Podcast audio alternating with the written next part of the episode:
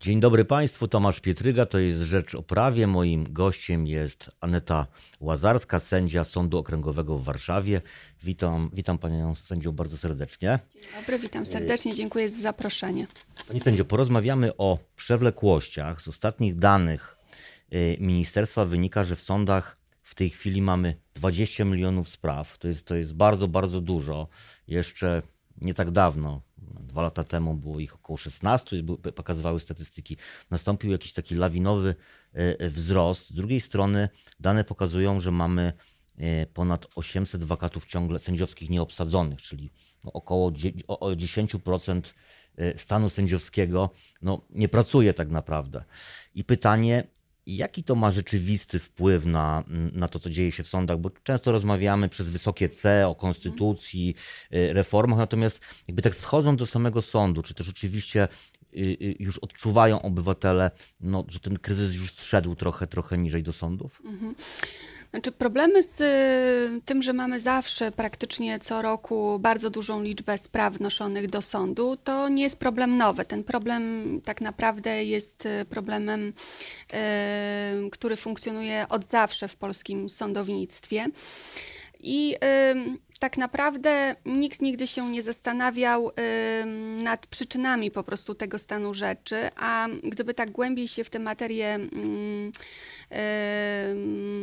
gdyby się nad tym głębiej zastanowić, to by się okazało, że te przyczyny są wielorakie. Mhm. Ja bym je podzieliła na przyczyny, które dotyczą samej organizacji pracy y, w sądzie.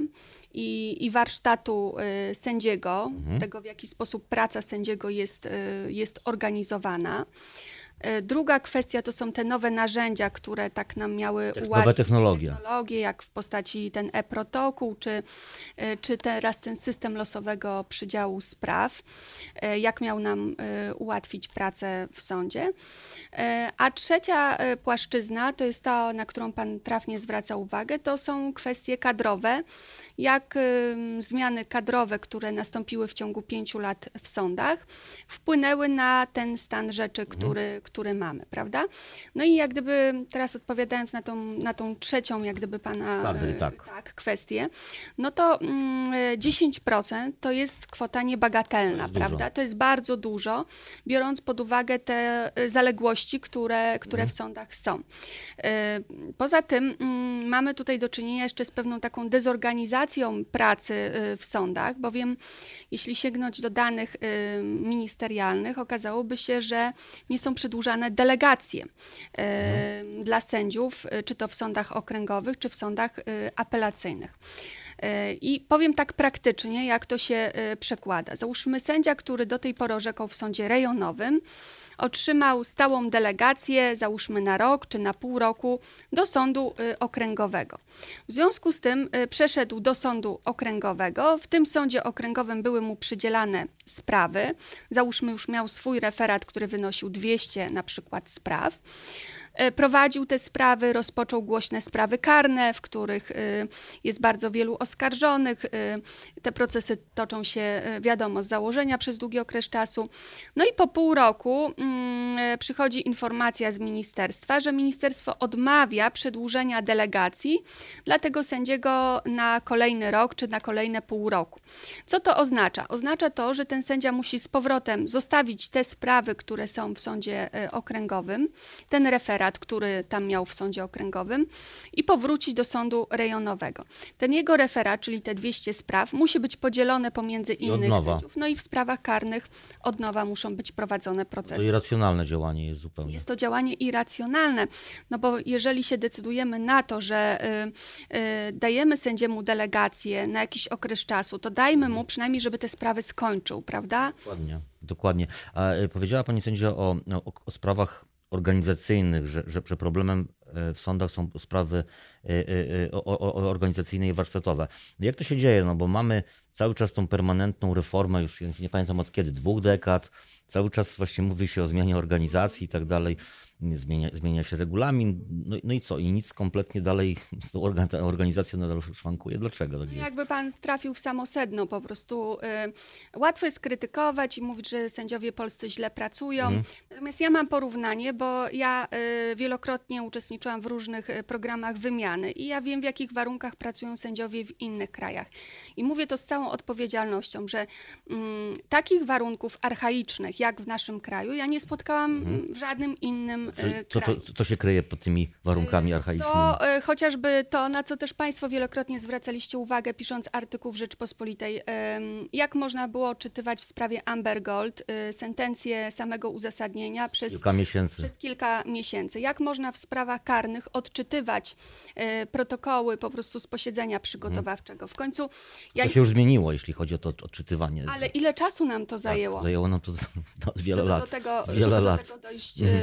że, że tak to można. Chociaż nie wiem, czy się nie zmieniło z powrotem, jeśli chodzi o proces karny, mhm. bo było, nie jestem ekspertem z procesu karnego, ale tam jest wiele takich rozwiązań, które są archaiczne.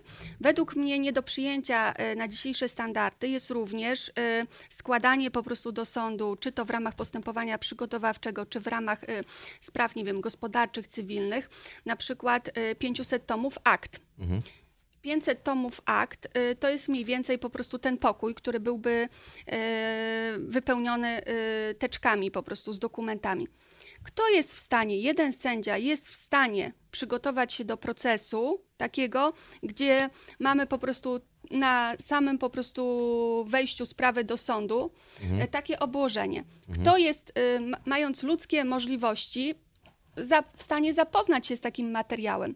Czy tego nie należałoby zreformować? Przyjmijmy racjonalne założenia, że jesteśmy, że jesteśmy tylko ludźmi i że y, mamy ograniczone możliwości przygotowania się do takiego procesu. W związku z tym powinny być określone standardy ustalone, że na przykład y, taki pozew czy, czy, y, czy akta y, z postępowania przygotowawczego nie mogą liczyć więcej niż na przykład 100 tomów akt. Prawda? Mhm. I trzeba po prostu, takie ograniczenia są na przykład w Strasburgu. W Strasburgu nie można sobie wysłać do Strasburga y, skargi, która by liczyła 100 tomów akt, bo mhm. nikt by tej skargi tam nie przyjął. Tam są ograniczenia, limity i po prostu tych limitów trzeba y, przestrzegać. Mhm. Tak? Pani sędzio, zapytam jeszcze jedną rzecz, bo, bo, bo y, wielokrotnie podnosi się to, że e, e, przyczyną przewlekłości są też drobne sprawy, które masowo wpływają do sądów. No i od kilku lat pojawia się taki sędzia, sędzia widmo, sędzia pokoju. Czy rzeczywiście to jest to rozwiązanie, które mogłoby jakoś mieć, skutecznie wpłynąć, nie zaszkodzić wymiarowi sprawiedliwości i skutecznie wpłynąć na to, żeby, żeby, żeby odciążyć te sądy? Nie wierzę, że taka instytucja byłaby w stanie odciążyć sądy, bo na dzień dzisiejszy... na jakimś, na jakimś odcinku mandatowym, jakieś, no są drobne sprawy, no, które... No... Y, znaczy, na dzień dzisiejszy to jest problem taki, że my w sądach nie mamy przede wszystkim urzędników, mhm. tak? Nie mamy referendarzy sądowych. W związku z tym, e, co tu mówić o wprowadzeniu jak gdyby kolejnej instytucji, który wiadomo, pan sam sędzia pokoju nie będzie e, kopert e, pieczętował i wysyłał, po prostu nie będzie sam zajmował się korespondencją, tylko on znowu potrzebuje do tego aparatu. Mhm. W naszym sądzie sytuacja była w ubiegłym roku dramatyczna do tego stopnia, że nam groziło w ogóle zamknięcie wydziałów, mhm. bo brakowało urzędników sądowych. Mhm. Czyli nie miał kto przygotować nie, do procesu. Nie miał kto przygotować y, procesów. Mało tego, nie miał kto pójść na salę rozpraw, protokołować. Z czego to wynikało? Z kwestii finansowych, że ci ludzie nie chcą pracować, czy z jakiegoś y, innego no, powodu? kwestie przede wszystkim finansowe, że wynagrodzenia y, w Warszawie są nieadekwatne do warunków pracy, do nakładu pracy. Y, ta praca nie jest atrakcyjna dla urzędników sądowych mhm. i są po prostu wakaty, które są nieobsadzone. Druga rzecz to jest rotacja, bo nawet jeżeli ktoś przyjdzie do, do sądu, po prostu to on po pewnym czasie rezygnuje z tej mhm. pracy, znajduje sobie lepszą pracę, mm, bardziej płatną. E, to samo, ja wykonuję e, czynności, które powinien wykonywać referendarz sądowy.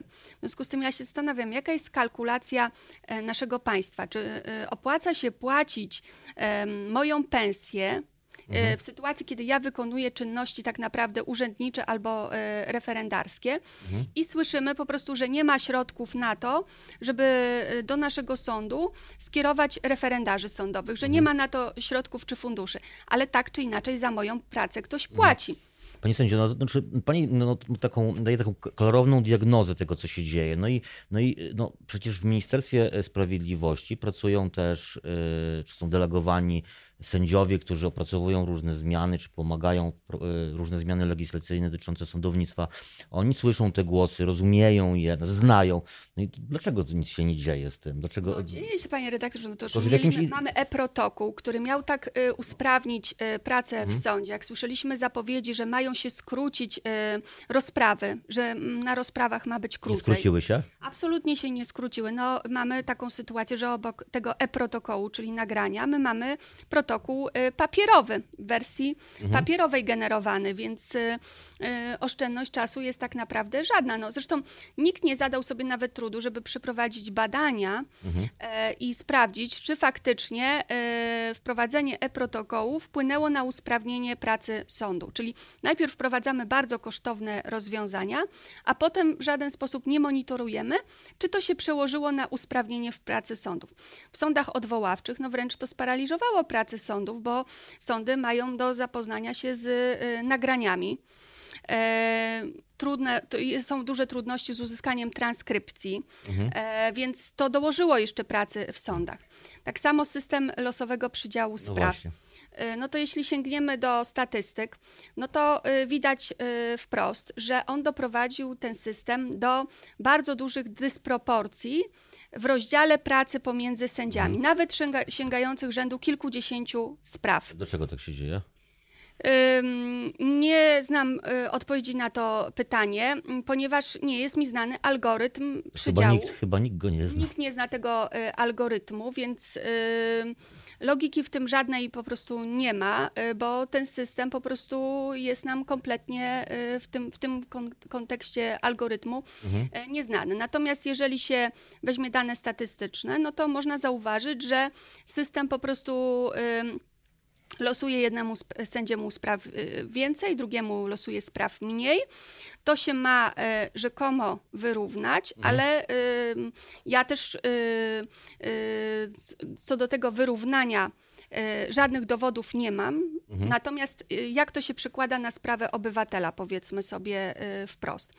Jeżeli jeden, jednemu sędziemu ten system wylosował 50 spraw, a drugiemu wylosował 100 spraw, i mniej więcej jeden sędzia i drugi sędzia y, co, co miesiąc po prostu mniej więcej wyznacza tyle samo spraw, czyli załóżmy 21 i 22, no bo nie jest w stanie po prostu więcej załóżmy tych spraw wyznaczyć.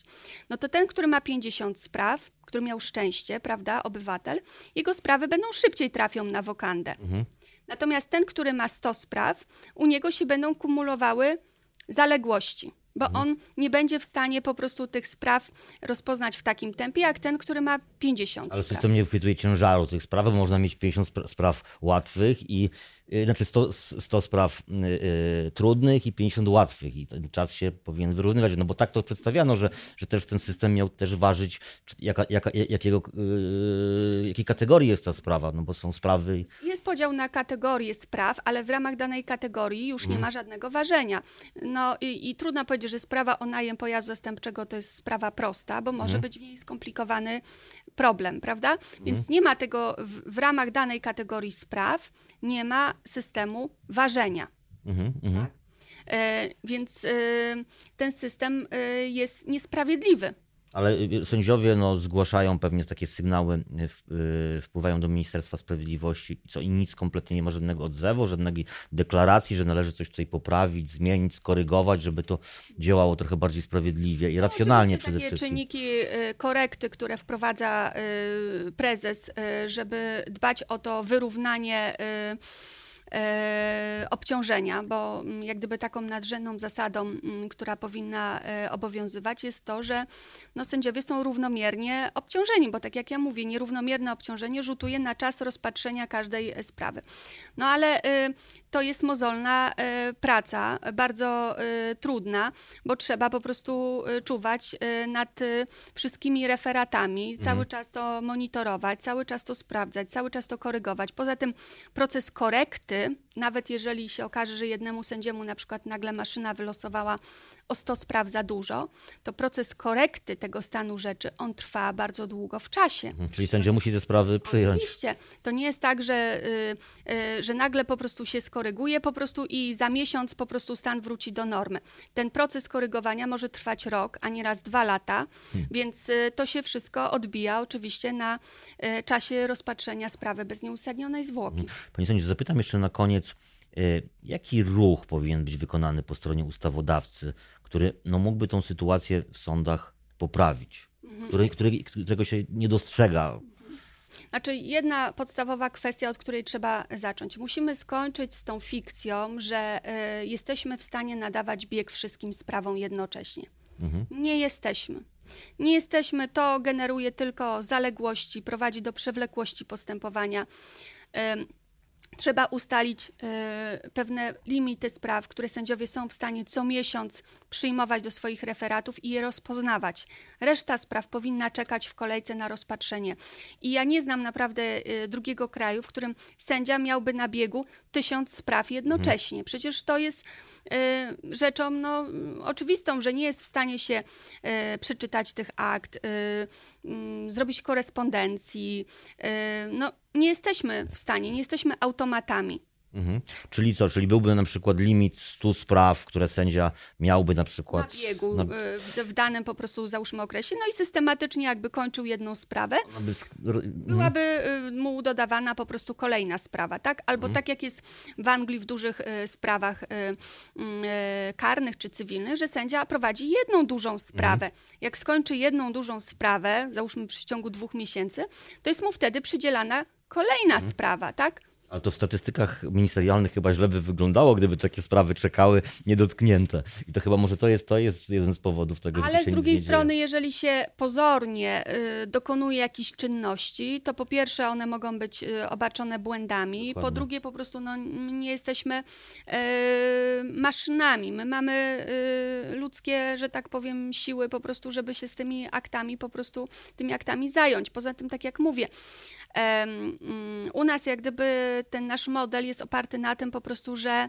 e, zwozi się do, akt, do sądu 500 tomów akt i niech sobie po prostu sam sąd e, te akta segreguje, szuka to, co jest istotne. W Anglii jest system odwrotny. Adwokaci przygotowują proces. Oni przynoszą do sądu tak naprawdę jeden segregator, w którym jest istotne po prostu to, co jest, e, co jest istotą sporu. Dokonują takiej e, preselekcji po prostu tego materiału e, procesowego, bo, no bo sędzia po prostu nie byłby w stanie się z takim obszernym materiałem zapoznać. Panie sędzio, czas nam się skończył. Bardzo dziękuję za tą świetną diagnozę sytuacji w sądownictwie.